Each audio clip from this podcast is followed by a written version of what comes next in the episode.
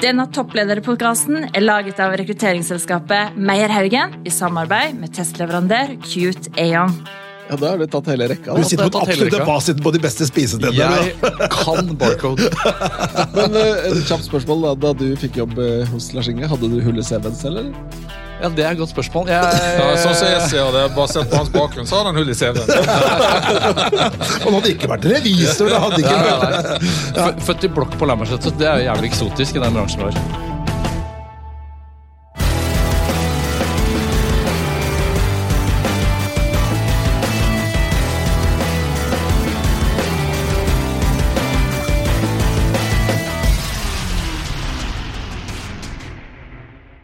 Ja, Sverre. I dag har vi ikke bare én, men to spennende gjester i studio. Ja, det, og Nå er det en samtale vi har gleda oss veldig til. Oh my god. Og det er fordi at eh, vanligvis på topplederpodkast så har vi jo da toppleder.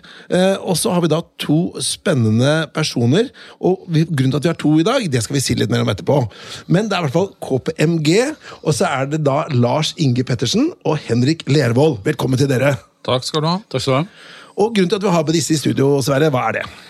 Nei, det er jo, For det første så er jo Lars Inge toppleder, som mange av gjestene som har vært før om på Topplederrådet. Men i tillegg så har de jo kjørt et, eh, et, eh, veldig spennende prosjekt med tanke på hvordan de rekrutterer til KPMG. Ja, og dette med hull i CV-en, og dette er et sånt begrep egentlig tilbake fra 80-tallet, at liksom man lurer på liksom, har du gjort det du står der, er liksom, har du vært i fengsel, har du gjort et eller annet galt? Og så er det jo da en av strategene bak dette er jo Henrik Lervold, så vi tenkte vi var spent eh, å høre litt hva han hadde å si om dette her også. Så velkommen til dere begge. Takk, Takk Hva skal du ha. Så jeg tenker at det, det som er viktig nå, er å Kan ikke dere si litt sånn kjapt om deres bakgrunn? Jeg skal begynne med deg, eh, eh, CEO, altså topplederen. Ja, jeg kan si veldig kjapt om eh, min bakgrunn. Jeg har jo vært eh, toppleder eller sjef i KPMG i ca. to og et halvt år eh, nå. Eh, Jeg har vært i KPMG i ca. litt over ti år. Før det så har jeg jobba i både Ernst Young og Deloitte, men jeg har også jobbet tre år i et veldig spennende selskap som heter Petroleum Geoservices, som eh, jeg var i. I en transformasjonsprosess de var inne i, så det var veldig spennende å jobbe da. Så jeg har litt eh, mangsidig, alls- eh, allsidig bakgrunn, kan du si. da. Ja. Så eh, jeg er utdannelse så er jeg eh, eh, revisor, da. Og veldig opptatt av å fremdeles jobbe med kunder og, og, og drive med det faget som jeg kan. da. Spennende. Og Henrik?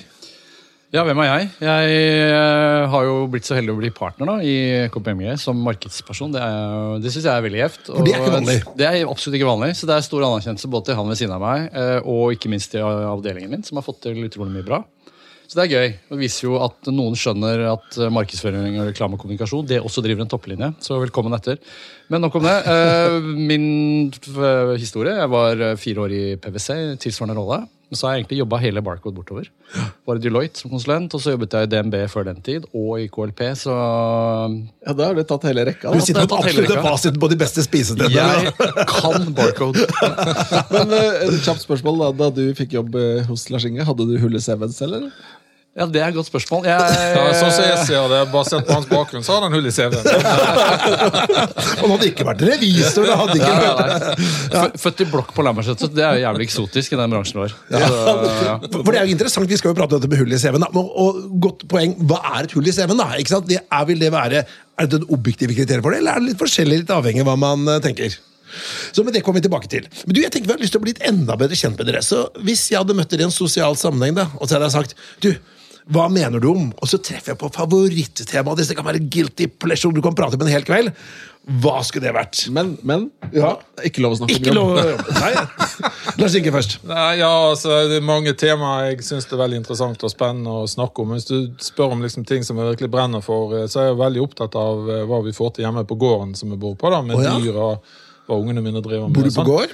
Ja, vi har et lite småbruk langt inn i skogen, så jeg bor ja. langt inn i skogen inn mot svenskegrensa. Yes. Så det syns jeg er veldig spennende. da. Men Hva slags dyr har dere der? Nei, vi har sauer og hester og, og hunder Yes, og katter. I går var jeg veldig trist dag, da, for da døde den eldste hunden. Eller de måtte ta den til avlivning. da. Så ungene lå jo våkne hele natt og grein. Så det, det har vært oppladningen til denne topplederpodkasten. Ja, ja, ja, ja. Åh, føler med dere, altså. Men, men det syns jeg er veldig spennende. da. Ja, Så prate om gårdsdrift og dyrehold. Ja, eller om hva de holder på med når det gjelder eh, ridning og opptatt av hester og, og Ja. ja. sånne ting. Som jeg ikke kan så mye om, om egentlig. da. Men, men drifter dere det her selv, eller? Nei, det er jo ikke noe sånn eh, drift eller sånn økonomisk eh, inntjening på det. Det er jo sånn at de gjør dette for eh, hygge og, og syns det er spennende å holde Men på med. noen må jo passe på disse dyra. Ja, men det er jo kona mi eh, jo, har jo holdt på med dette tidligere. Han driver rideleir og Ja. sko hester og, og følger opp det. da. Så det er jo hun som tar seg av alt det hjemme da. Ja. Og I tillegg så er jeg litt opptatt av fluefiske da, etter laks. Så Å,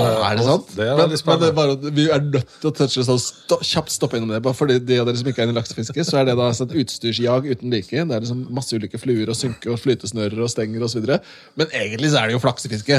Er det ikke det? Nei, jeg vil ikke si det. Jeg vil si det er jo veldig avhengig av eh, hvor du er hen. At du, det er jo dyktighet og kompetanse som er viktig der òg, å bruke tid og, og disse tingene. Og det, er jo, det som er veldig artig, er jo det at jeg har med familien på, på flere turer eh, på disse tingene. De også har begynt å få laks, så det er jo veldig Ja. spennende. Så da er det laks med flue. Da er det jo, må vi jo spørre, da, hva er, hva er rekken? Hva som er Rekorden? 19,4 kilo. Det Oh er rekorden. Tatt i Orkla 1. juni 2017. Yes, yes, yes. Ja, og du eh, Henrik, eh, hva er dine favorittemaer å prate om? Du snakket om hull i CV-en. Jeg er jo da statsviter og økonom, så jeg syns jo verden rundt oss, utvikling, innovasjon, er veldig sånn flinkis-svar hører jeg her. Men det syns jeg er jævlig gøy. Jeg digger jo mennesker, da. Sånn kommer vi sikkert litt tilbake til. Sånn, hva, what makes people tick. Det syns jeg alltid er interessant. Ja. Og så er jeg jo interessert i vin, da. Ja. Eh, folkelig og fint. Vin. S- selvfølgelig. Det, det er gøy, altså. Fransk eller eh, tysk hvitvin? Tysk, tysk hvitvin. Nei, du, det, man ender jo ofte i Burgund da, etter hvert. Ja. Men, eh, Men, men sånn ikke, det. ikke Riesling, altså? Jo da, det funker, det også. Ser du det? Men jeg har hatt min funker. porsjon med Riesling, så nå må jeg litt videre. Vi, vi har en liten battle, Sverre og jeg. Ja, ute på, for Sverre er veldig glad i Riesling, og jeg i mindre grad glad i Riesling. Jeg er, jeg er litt enig med deg nå. Akkurat nå, Petter, er jeg veldig enig med deg. Men vi må, vi må ta en også siste før vi liksom hopper tilbake til faget. og det vi skal snakke om, så må vi ta en siste avsjekk, For vi har battle. Og det er at vi spør alle gjester her Så spør vi da Hvis du måtte velge jakt eller fotball, hva velger du, Lars Inge? Fotball. Ja. Fotball. Yes! Nei, nei, nei, nei, Yes! Petter. Yes! Yes! Altså, jeg hadde, tro- jeg hadde troa på at laksefiskeren skulle velge, velge Du må ikke glemme at det finnes eh, en fotballklubb som er en tragedie og en lidenskap for eh, folk som snakker sånn som meg, da, som heter Brann. Så da er det veldig vanskelig å komme Ja, seg de ut av rykka ned, det skal vi ikke prate om. Rykket de ned, de stemmer? Ja. Ja, greit. Rub it in, rub it in. Ok, men du, Vi tenkte vi skulle prate litt om KPMG. Eh, hva står KPMG for? Denne tar Lars, han kan dette. ja. Nei, altså, Du tenkte på navnet KPMG? ja, altså, Det er jo en forkortelse. Ja, eh, Nå husker jeg jo ikke det jeg fått. Nei, jeg vet ikke heller. Det er en godt, skal vi kalle det en godt etablert forkortelse? Nei, men det står jo for uh, Pete Marvik, PNM-en er Pete Marvik, og, og, og Girdler er vel G-en, og Klineth er vel K-en. Du kunne, du kunne det. Ja, så, så det er um, Det er lang, ikke så mange som vet det. Akkurat som alle andre de store andre Big Four, så har det masse som bakgrunn med, fus med fusjoner og sammenslåinger og ting har blitt til underveis. da. Ja. Men fortell litt om KPMG. da, for Sett utenfra, da, så er jo liksom, dere er jo en av de fire store. Og et veldig re- velrenommert og anerkjent selskap worldwide. altså En veldig sånn kjent sånn household brand, da, for å si det sånn. Eh, Men sett utenfra så er det kanskje litt sånn like de andre konkurrentene deres. Hva er det som er den store forskjellen på dere? Hva er visjonen deres? Hvordan ønsker dere på å, å eh, distansere dere fra de andre? Vi jobber veldig med å bli en veldig tydelig samfunnsaktør. Da. Vi er et selskap som har vært i veldig sterk vekst. Vi har hatt en enorm utvikling de siste fem årene. Vi har gått fra å være ca. 950 ansatte til snart å være 1500. Yes. Det er det i Norge. Det er i Norge, ja. Og globalt også så jobber vi og vokser eh, mye. Så det er veldig mye spennende som, som skjer. Vi er veldig opptatt av å være en aktør som er med og bidrar til transformasjon i samfunnet. Til å være med på de langsiktige, gode løsningene som selskapene i Norge trenger da, for fremtiden. Finne løsninger som er viktige og, og, og gode å ha med seg videre. Eh, Så mange eh, kunder har jeg hørt beskrive oss som jordnære, fornuftige, pragmatiske mennesker som er i stand til å finne veldig gode løsninger. Ja, Å være jordnær det passer bra når du kommer, jobber vel, bor på Ja, gård men jeg, og jeg har veldig tro på det, og viktig å, å lytte. Altså vi, det er en sånn saying, men jeg tror det er veldig viktig i vår setting òg, at du har to ører og en munn. og det er en grunn til at du har to ører. Hvis du skal være i stand til å lage gode løsninger for andre mennesker, bedrifter, for kunder, å finne på ting, så må du også være i stand til å lytte og ikke tro at du har svaret på alt som, som skal gjøres. Selv om man er konsulent og har blitt betalt for å svare? selv om man er konsulent eh, på det. og Det tror jeg er en veldig viktig erkjennelse for at man skal være en god konsulent eller være en god rådgiver. Det at man er i stand til å lytte og ta inn over seg problemene og tenke gjennom og, og ikke komme med sånne kjappe løsninger eh, på ting. da. Så vil jeg bare føye til en annen ting. I større grad enn noen av konkurrentene våre så jobber vi jo mye i partnerskap og allianse med teknologileverandører, Microsoft, IBM osv. Og, så og det er jo kanskje i forlengelse av det Lars sier, et, eh, en erkjennelse av at det er mye vi kan og som vi er innmari gode på, men det er andre ting vi må trekke på andre kompetanser og erfaringer. Og det, det tror jeg er veldig nyttig, og ikke minst noe kundene setter pris på. Ja, og Man vet sin egen begrensning, men der hvor man har hull, her har man en fullgod partner, så kunden opplever liksom en sømløs uh, superleveranse. Ja. Jeg, jeg jobbet tidligere i et stort konsulentselskap, og så husker jeg det at da er man jo Som med på, på A. Ja, så begynner på A. Og andre bokstaver C. er det og så er man jo mye med på store prosjekter som faktisk har liksom endrer samfunnet, men så er det ikke alle som vet at det er konsulentselskapet som står bak. ikke sant? Er det noe ting KPMG liksom jobber med eller har bidratt inn til som man ikke vet? Nei, Det er jo mange ting vi bidrar med å, å hjelpe til med, enten det er i forhold til ting som skjer under pandemien, eh, hjelpe ulike aktører med å få på plass strukturer, systemer, få ting til å fungere, logistikk, eh, finne løsninger for fremtiden. Det er litt vanskelig å snakke om konkrete prosjekter innimellom, for dette knytter seg til kunder. da. Så, men, men akkurat det med, med formål og purpose og, og visjon og sånne ting er jo veldig viktig også for, både for ansatte og for kunder og andre, å forstå hva vi ønsker å få til. da når vi driver og, og utvikler virksomheten vår. da. Ja. Men vi har jo noe da som jeg kjenner som statsyter virkelig trigger meg. Det er noe som heter IDAS, som står da for International eh, Development Advisory Services. Og da jobber vi jo faktisk mye med FN-systemet, både høyt og lavt, for å utvikle litt sånn tabloid sagt, verden rundt oss til et bedre sted å være. Ja. Og det handler om antikorrupsjon, det handler om utvikling, det handler om i det hele tatt eh, viktige ting som jeg tror eh, kommende generasjon er veldig opptatt av i valget av, eh, av arbeidsgiver. Ikke sant? Spennende. Men du, jeg har lyst til å også, eller Det er mange grunner til at jeg hadde lyst til å ha dere i podkast i dag, men en av de viktigste er dette med hull i CV-en. For jeg, Dette er jo da litt, kanskje litt sånn Oslo-bobla, men tok T-banen her før jul, og så ser jeg noen reklamer da på T-banen, sånn digitale, hvor det står 'Har du hull i CV-en, søk hos oss'. Og så tenker jeg liksom, jøss, det var liksom, som headhunter, så liksom, det er litt uh, spenstig. Og så ser man at dette her er litt sånn atypisk avsender. da, Kanskje litt mine fordommer mot uh, konsulentbransjen. At dere er på jakt etter folk som ikke har den perfekte CV-en. Men fortell litt om dette her. Hva, hva, hva, hvorfor gjør dere det på denne måten? Nei, altså Det er jo gøy du la merke til det. Er Interessant at du tar T-banen, Petter. Det er jo veldig bra. Men eh, det er jo et ønske om å Det begynte vel egentlig som en diskusjon mellom Lars og meg og andre rundt eh, hva kan være KPMG sin Uncle Sam wants you. For det er ingen tvil om at det er et veldig sterkt eh, si, rekrutteringsmarked der ute. Tøff eh, konkurranse om talentene. Og så så vi at eh, vi kanskje i litt for stor grad har hatt altså mye fokus på de samme utdanningsinstitusjonene hele tiden. Det er ikke noe galt i å gå på Handelshøyskolen i Bergen osv., men det- finnes en bredere palett, et større univers, en større himmel der ute. Hvor, hvor vi må speile samfunnet rundt oss, hente annen type kompetanse, folk som har gjort andre ting. Så hull i CV-en høres kanskje litt brutalt ut, men det kan jo bety alt fra at du møtte veggen, gikk på en smell, øh, har hatt problemer av et anslag, ikke fikk jobbet fullt ut så mye som du hadde håpet på. Det kan være at du tok deg et år på Bali for å finne deg sjæl. Altså alle de typer ting som noen kanskje ser negativt på, men som jeg tenker bidrar til at du blir en klokere, mer reflektert, uh, balansert versjon av deg selv. Uh, og det har vi fått ekstremt mye bra tilbakemelding på av markedet. Uh, at dette var utrolig spennende markedsføring. Det var en ny måte å snakke til kunde- og rekrutteringsmarkedet på. Men så er det også viktig å si at dette er jo ikke noe eh, kampanje som er direkte rettet mot minoritetsgrupper osv. Det er det jo ikke. Fordi hull i CV-en, mangfold, er et mye større palett enn bare kjønn og Ja, ja. etnisitet. Men så er her jo- er det veldig mye vi ønsker å ta tak i, og vi har fått uh, over 450 søknader. Men det, det, er veldig, det er veldig interessant. Og det som gjør det ekstra interessant, det er jo nettopp at det er en grunn til at hull, i CV-en er en tematikk. Jeg har skrevet en bok for jobbsøkere, snakket med hundrevis av rekrutterere. Og da spurte vi blant annet hva er liksom de verste tingene du, hva er det du liker minst. da, CV-en, De vanligste CV-feilene. En av tingene på lista der er hull i CV-en. Når det er ting som ikke jeg vet hva du har gjort, så blir jeg skeptisk. For jeg vet ikke, Har du sittet inne? Har du vært på, Hva er det som er gærent? Og så blir spørsmålet En ting er å gå og lage en kampanje på det, men du har jo en gjeng med ledere da, som må faktisk gå med på å rekruttere de folka her. Har dere fått til det, eller?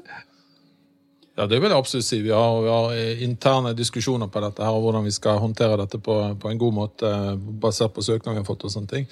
Men du, du sa i sted denne perfekte CV-en og det å søke etter det formelle. hele ting. Det handler jo veldig mye om hva mennesker kan. Og du er veldig opptatt av det hvis du skal ha de riktige, eller få nok synspunkter, få en bredde i, i løsningen du har. andre ting, Akkurat som Henrik sier, så må du ha inn folk med forskjellig bakgrunn og, og forskjellige erfaringer i livet. og Kanskje mennesker som har hatt større, noen utfordringer enn andre har, etc. Så det er veldig viktig hva man kan, og det er det som er hovedbudskapet vårt. egentlig da, at vi, Det er det vi er ute etter, ikke nødvendigvis vi har den formelle kompetansen i orden. Jeg synes det, det er også litt sånn når du, når du jobber med mennesker, andre mennesker, sant? det å gi mennesker mulighet til å legge til rette for det, selv om du da har som Henrik sa, tatt et, et år med filosofi eller tatt et års pause eller gjort andre ting, det må jo være helt legitimt og helt ok. Ja. Så lenge det du kan og det du brenner for, er det som vi eh, trenger hos oss også da. Vi, som jeg sa i sted, vi er jo ute etter mennesker som er jordnære, fornuftige og pragmatiske. Ikke de som nødvendigvis tror de har alle de hundre svarene på de spørsmålene som eh, kundene vil komme med. da. Sant? Ja, ja. Ellers ikke blir i stand til å lage de gode løsningene for eh, selskapene fremover. da. Så det handler altså det er et mangfoldsverktøy òg, med andre ord. Som gjør at Det dere er kanskje får ikke et verktøy, men, men det er sånn, ikke sant, du må åpenbart ha relevant erfaring og kompetanse. Det er ikke sånn at du kan ikke ha noe som helst kompetanse på cyber for å jobbe med cyber. Men uh, i forlengelse av det Lars sier, så er det jo sånn at kundene våre setter jo mer og mer pris på tverrfaglig team. Ja. Nettopp fordi, i tråd med det vi begynte, at én person sitter ikke med hele sannheten, hele svaret. Eh, og i det så handler det om å få inn folk som stiller litt andre typer spørsmål, ser litt andre typer eh, av, av verden rundt deg. Dette Joharis vindu som vi sikkert har lært om. ikke sant? Du Ja. ser jo ikke alt, men noen ser andre sider som de har fått med seg ved at de har en annen geografisk bakgrunn, annen utdannings, eh, et annet utdanningsløp og en annen alder osv. Og, så videre. og summen av det tror jeg er helt overbevist som gjør oss til bedre rådgivere enn de som ikke gjør det. Ja. Men, men det, det med i CV-en, da. For det er et begrep kanskje som sånn fra headhuntingens tidlig barndom, da, kanskje sånn 60-, 70-, 80-tallet, hvor, hvor man ikke hadde noen mulighet til å sjekke bakgrunnen forhold til LinkedIn. Sånn, du, du hadde en CV, og så var man jo redd for at Nei, jeg jobba der, og så jobba du ikke der. ikke sant? Det var liksom det, det som er bakgrunnen. Og så er jeg jo ganske imponert over det der at for det med hull i CV-en er jo en utgangspunkt et negativt man forbinder noe negativt ved det. Er det noe du skjuler eller som er galt? Og så er det liksom litt, hva er det hullet, da? En ting er at du studerer filosofi på Bali. Det er ikke det verste som kunne skjedd for å si det sånn. Eh, Men la oss si at du har hatt rusproblematikk eller psykiatri eller sitter i fengsel. Altså, Hvor djupt er det hullet for at det, er en, at det ikke blir noe ansettelse i KPMG, selv om du har eh, alt annet på stell? da? Altså jeg vil si det at det, igjen tilbake til det som er utgangspunktet. Det er hva du, hva du kan. Altså hva du kan være med og bidra til. Ikke den formelle CV-en eller hva som er eh, nødvendigvis bakgrunnen din i, i alle settinger. og sånne ting. Så Poenget er bare å symbolisere og få frem det på en veldig god måte. At det er den kompetansen eller det, det du virkelig brenner for. Det er det vi er ute etter. Synspunktene dine, innspillene dine. På de, eh, og ikke at du nødvendigvis har alle de formelle eh, papirene i orden. da. Og hvor grensen går, dette er jo veldig avhengig. Dette vil jo være fra person til person, eh, holdt på å si da. Eh, sånn at det er veldig vanskelig å trekke sånne klare Ja, ja. grenselinjer på, på det. Men jeg tror det er veldig mange mennesker som har eh, et uttrykt ønske om å jobbe med ting som de brenner for, eh, noe som de virkelig ønsker å være med å, å endre på og skape endring i, i samfunnet man lever. Så får man ikke mulighet for det at man mangler kanskje bakgrunn eller mangler noen formelle papirer, eller kanskje man har gjort noe her i livet som man var nødt til å gjøre i en periode. Jeg synes det er veldig synd hvis ikke vi som en stor, viktig aktør skal være i stand til å legge til rette for at de skal få lov å utvikle seg og være med og, og jobbe med de tingene de brenner for. da. Altså, og ikke bare, som du sier, ikke sant? du har vært litt uheldig og du har mangla noe for å få muligheten. Men det andre kan jo være at du faktisk har blitt diskriminert. For det For kan jo skje. ja, kan Jeg har en kompis som, eh, som kommer fra Sri Lanka. Han hadde et langt og vanskelig navn. De har jo ganske lange navn. Og, og så fikk jeg ikke jobb. Fikk jeg ikke jobb. Bytta navn til noe veldig veldig norsk. Andreas Berg eller tilsvarende. Skal ikke si navnet hans. for Eller Henrik Lervold. Er. Opprinnelig fra Polen. Men da fikk han jobb med en gang. da Og kompetansen var jo plettfri, ikke sant? men navnet var feil. da Men, Men det var jo, Vi hadde to budskap ute. Det var ikke bare hull i CV-en, det var jo også erfaring med å bli diskriminert. og Det går litt inn i det du sier. Nettopp, ja. sånn at Jeg er veldig enig med Lars at det er jo hva du kan, er det viktigste. Så kan den kanheten ha, ha akkumulert seg gjennom CV-er og, og, eller livets skole. Da, ikke sant? Og noen kan jo være fantastisk gode på koding og cyber fordi de Ja. har vært ekstremt opptatt av det. Kjøpte Commodore 64 og bare har fulgt den utviklingen. Er innmari gode på det, Uten at du nødvendigvis har en mastergrad i informatikk for å bli der. Men det som er interessant her, da, er at når du da ikke har papirer å gå etter, kanskje da, ikke sant? Kanskje ikke en så CV å gå etter, da kommer liksom den rekrutteringsnerden i meg fram. da. Og du skal da, la oss finne ut hvor mye kan du om et eller annet felt, og så har du ikke papirene på det. Da må du på en måte ha en mer sånn arbeidsprøver, du må kanskje ha tettere på referanser. Du, må dere legge om rekrutteringsprosessen for å rett og slett mer sånn sjekke ting grundigere, da? Eller hvordan gjør du det da? Ja, Det må vi absolutt gjøre. Vi må tenke nytt på hvordan vi intervjuer mennesker, og hvordan vi sjekker bakgrunn og alle disse tingene. da. Ja. Men det er vi jo i prosess med. og dette er jo veldig viktig også for eh, intern utvikling. At vi skal pushe oss selv og, bli enda flinkere til å ta vare på og forvalte det mangfoldet vi både har internt og det vi søker etter. Og få for at vi skal være i stand til å levere enda bedre løsninger. som sagt. Så vi også går gjennom en læringsprosess. Det er ikke sånn at vi har liksom tenkt ut alle svarene på hvordan vi skal gjøre dette på en, på en best mulig måte. Mm. Altså er det viktig, som Lars sier, det er jo, Vi er jo ikke i mål på dette her. Og det at vi har hatt denne kampanjen som har gitt ekstremt mye positive tilbakemeldinger, har jo også bidratt til å legge et sånn internt press. Så det er jo også vel, ikke vel så mye, så er det i hvert fall en, en viss grad av organisasjonsutvikling i dette. For det er klart, de som sitter i rekrutteringsteamene, er jo også nødt til å jobbe med sine unconscious biases, ta på, Ja, seg, litt ta på seg litt andre typer linser. Så vi er ikke i mål, bare så det er sagt, men eh, vi er helt nødt til å gjøre dette. Alternativet er jo å ikke gjøre noe. Det er jo ikke et alternativ. Nei. Og jeg må bare si at Vi heier jo veldig på dere.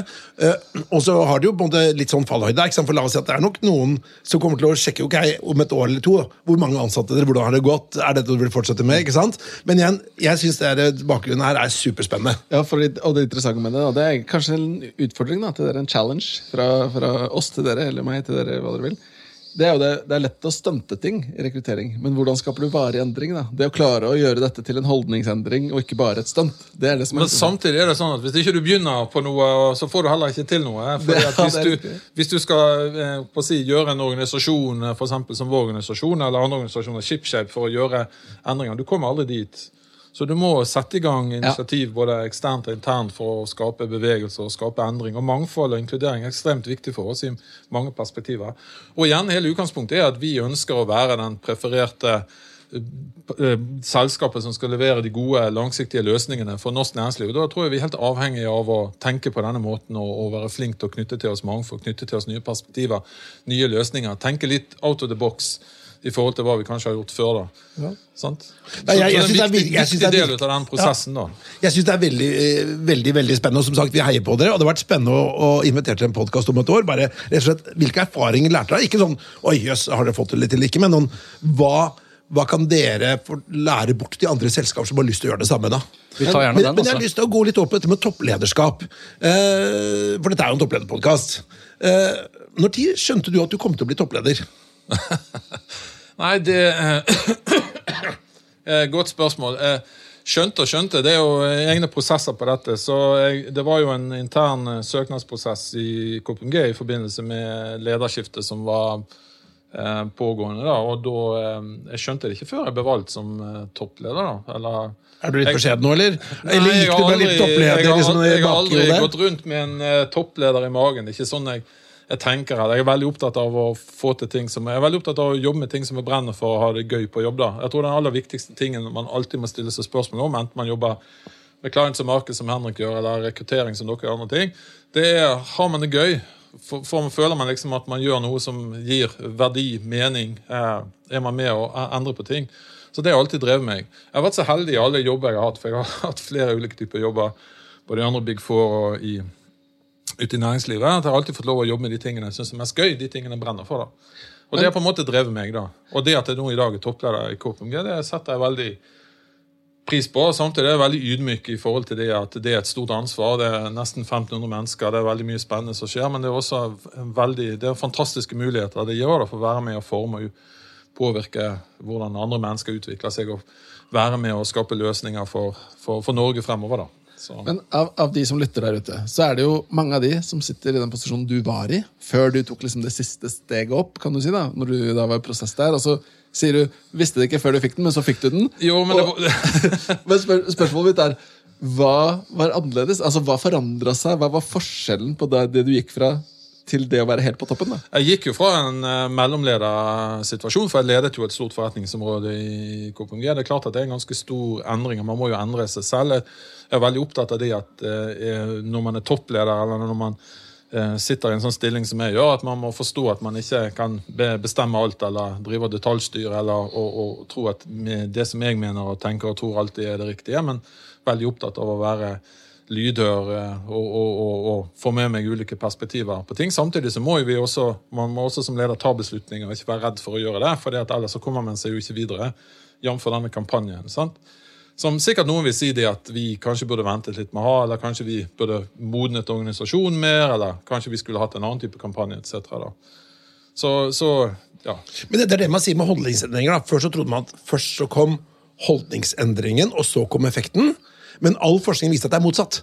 Først må du ha endringen, altså den fysiske endringen, og så kommer holdningen etterpå. Hvis du tenker alltid med elbil, røyking, alt det der. Du må først være at nei, dette er de folka vi har, eller du får ikke lov å røyke her, eller du, kjøre, du får ikke lov å kjøre dieselbil. Ok, men Da er du mer positiv etterpå, for, men du kan ikke begynne med sånn holdning. Derfor så tror jeg hopp i det. Og så blir endringene, eller holdningene endret. Det er i hvert fall en sånn psykologisk Det Det jeg, tror jeg også er helt enig i. Og så tror jeg ikke man må være helt låst inn på at ting, verden skal se akkurat ut sånn. Og Hvis ikke verden ser ut sånn, så fungerer det ikke. liksom. Man må være i stand til å ta inn over seg at ting endrer seg, ja. samtidig som man har et, et mål eller har visjoner på hvor man ønsker å være henne. da. Ja. Men dette med, dette med psykologi og toppledelse, Sverre, skulle vi sagt litt om det med personlighet, eller?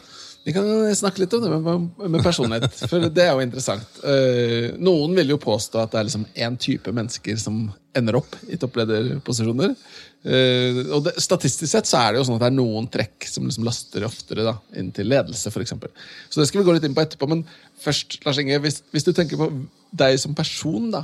uh, kanskje vi skal begynne med å spørre deg, Henrik. Hvordan er hans personlighet? Hvis vi ber deg beskrive ja, Det der er Ja, dristig spørsmål. eh, dette var det siste jeg sa i KPMG. Ja. Career limiting move. Nei, altså det, det som jeg eh, ble trukket mot da, da jeg møtte Lars Inge første gangen, og som gjorde at jeg sikkert fikk den jobben og ønsket den jobben, og videre, det er jo Lars er innmari en visjonær person. Ja. Eh, og tør å tenke store tanker, og tør også å ta tøffe avgjørelser. Så det tror jeg er viktig. At man ikke nødvendigvis alltid skal ha sånn eh, konsensus svensk modell. Uten at dette skal høres som sånn opphøyd enevelde, for det er absolutt ikke det. Men uh, visjonær, se langt, tenke langt, tror jeg er viktig. Og se hvor er dette selskapet om tre, fire, fem år. Ja. Der er du god, Lars. Kjenner du deg igjen i det her, eller? Ja, jeg kjenner meg igjen i at jeg er veldig opptatt av det med som sagt, visjoner og langsiktige målsettinger, og har sterke tanker og ønsker og, og hvor vi skal bevege oss hen. Jeg tror det er veldig viktig å skape tro, eh, enhet om det i organisasjonen, da, og skape endring eh, mot det. Så det har jeg veldig, veldig tro på. da. Hvis, du, hvis, hvis jeg hadde snakket med si, kompisgjengen din da, og bedt dem beskrive personligheten din, hva tror du de hadde trukket fram? Ja, de ville nok sagt at jeg er veldig ofte i godt humør, at jeg er veldig ekstrovert eh, person.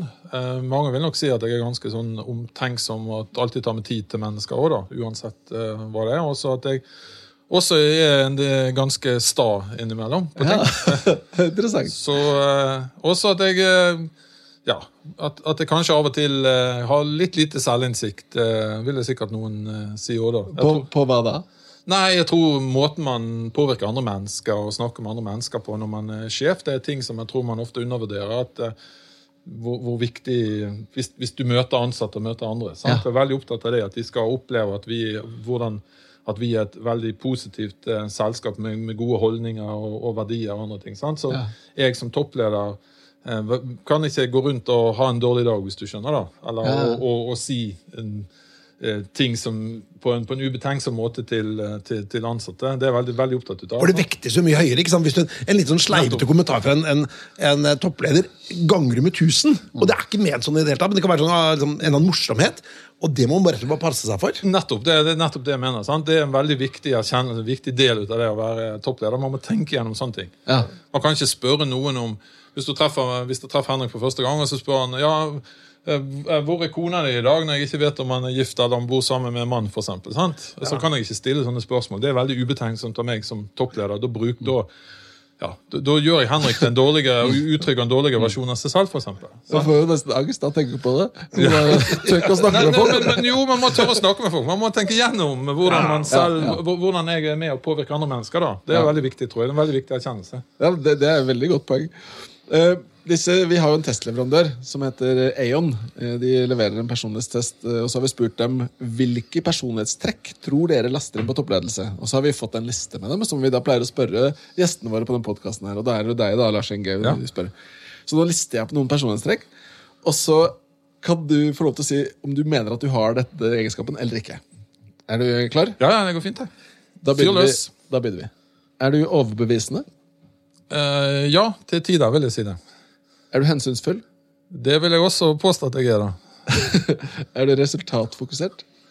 Eh, både ja og nei. altså Resultatet er jo veldig viktig i vår type virksomhet, men samtidig er det viktig å se de lange linjene òg. Man kan ikke bare tenke på kroner og øre og kortsiktig inntjening. Det kommer det ingenting godt ut av. da. Det kommer den langsiktige strategen fram. Er du besluttsom? Det vil jeg absolutt si at jeg er, når det er behov for det. Er du teoretisk?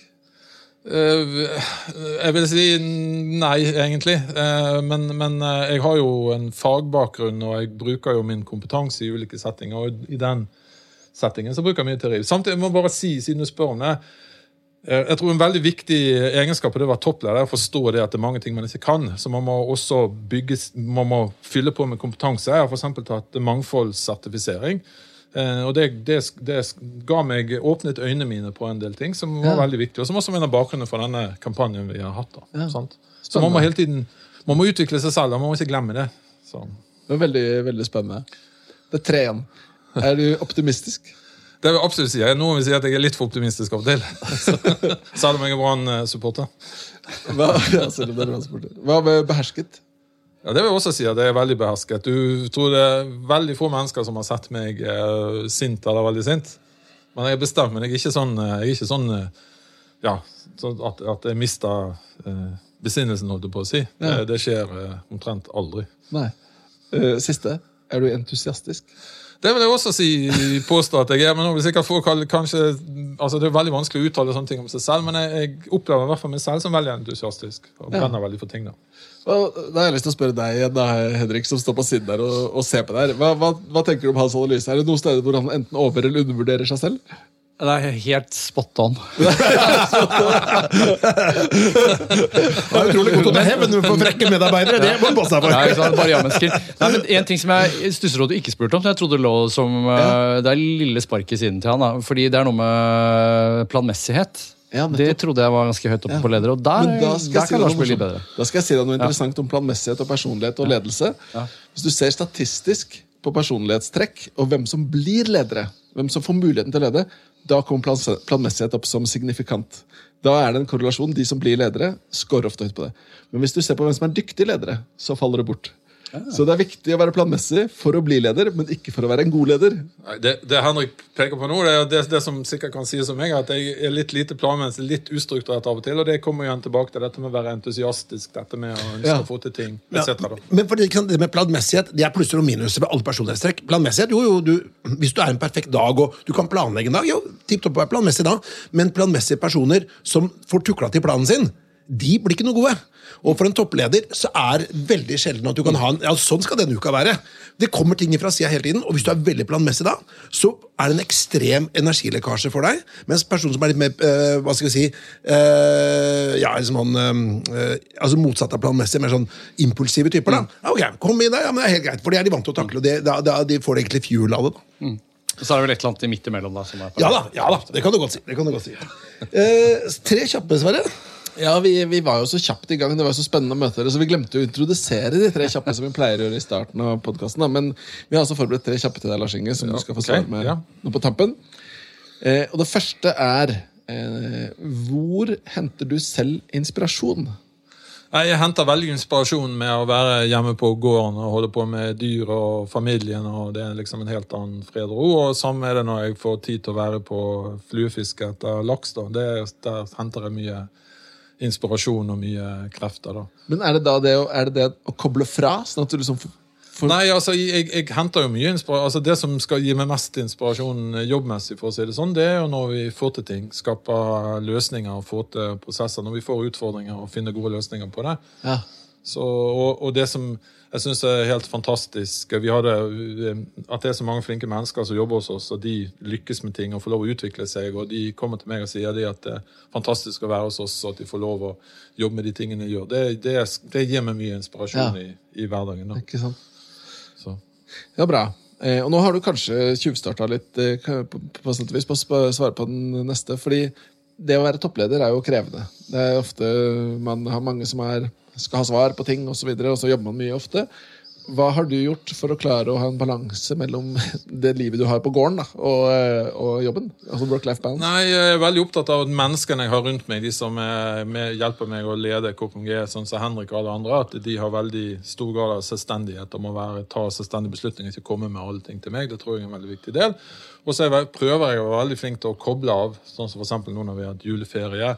Jeg prøver å ta hver helg eh, fri, sånn at jeg kan liksom eh, Ja, Funker det? bruke- Det funker veldig bra, faktisk. Var litt sånn der farm work balance. Ja. så, så helgene, helgene sant? Ukene blir ofte, kan ofte bli seine dager. Det kan bli møter, det kan bli middager, det kan være ting som skjer. Akkurat som du sier, Plutselig så dukker det opp noe så du er nødt til å løse. og Du klarer ikke å løse det på 1-2-3 timer. Men så er det rett praktisk da, som et tips til oss andre dødelige. Hva gjør du da? Sier du til Henrik og andre at nei, du, fint om ikke du ringer meg i helgen? Eller er det sånn når noen ringer, Nei, nei. så bare gidder du ikke ta den? Eller? Nei, jeg tar jo telefonen hvis folk ringer i, i helgen, men jeg tror det har litt å gjøre med forventninger du stiller til omgivelsene rundt deg. Og sånne ting. Og hvis, Av og til så skjer det jo ting i helgen òg du må respondere på. Men det handler jo litt å gjøre med hvordan du selv strukturerer det du kan strukturere i hverdagen din. Da, med å, at du Mm. forsøker å legge ting på ukedager, og så forsøker du å holde helgene Ja. eh, eksklusive. Da. Og det er jo greit for familien å vite de tingene også. Sant? Og, det sant. og, så det er bare en, ja, det finnes ikke noe gode tips på det, for alle mennesker eh, gjør disse tingene på litt forskjellige måter. Ja, men sant? det- Sånn, så, så man må liksom finne sin måte å, å, å gjøre ting på. Det er jo en balanse både med henblikk på, på samboer og på andre mann, venner og andre ting. Man gjør, sånn. Så man finne den balansen selv. Det finnes, Jeg tror ikke det finnes noe sånn one size fits all. Det er ikke en det, fasit. altså. Nei, jeg tror ikke det finnes en fasit. Men eh, da blir det spørsmål om det er en fasit på neste spørsmål.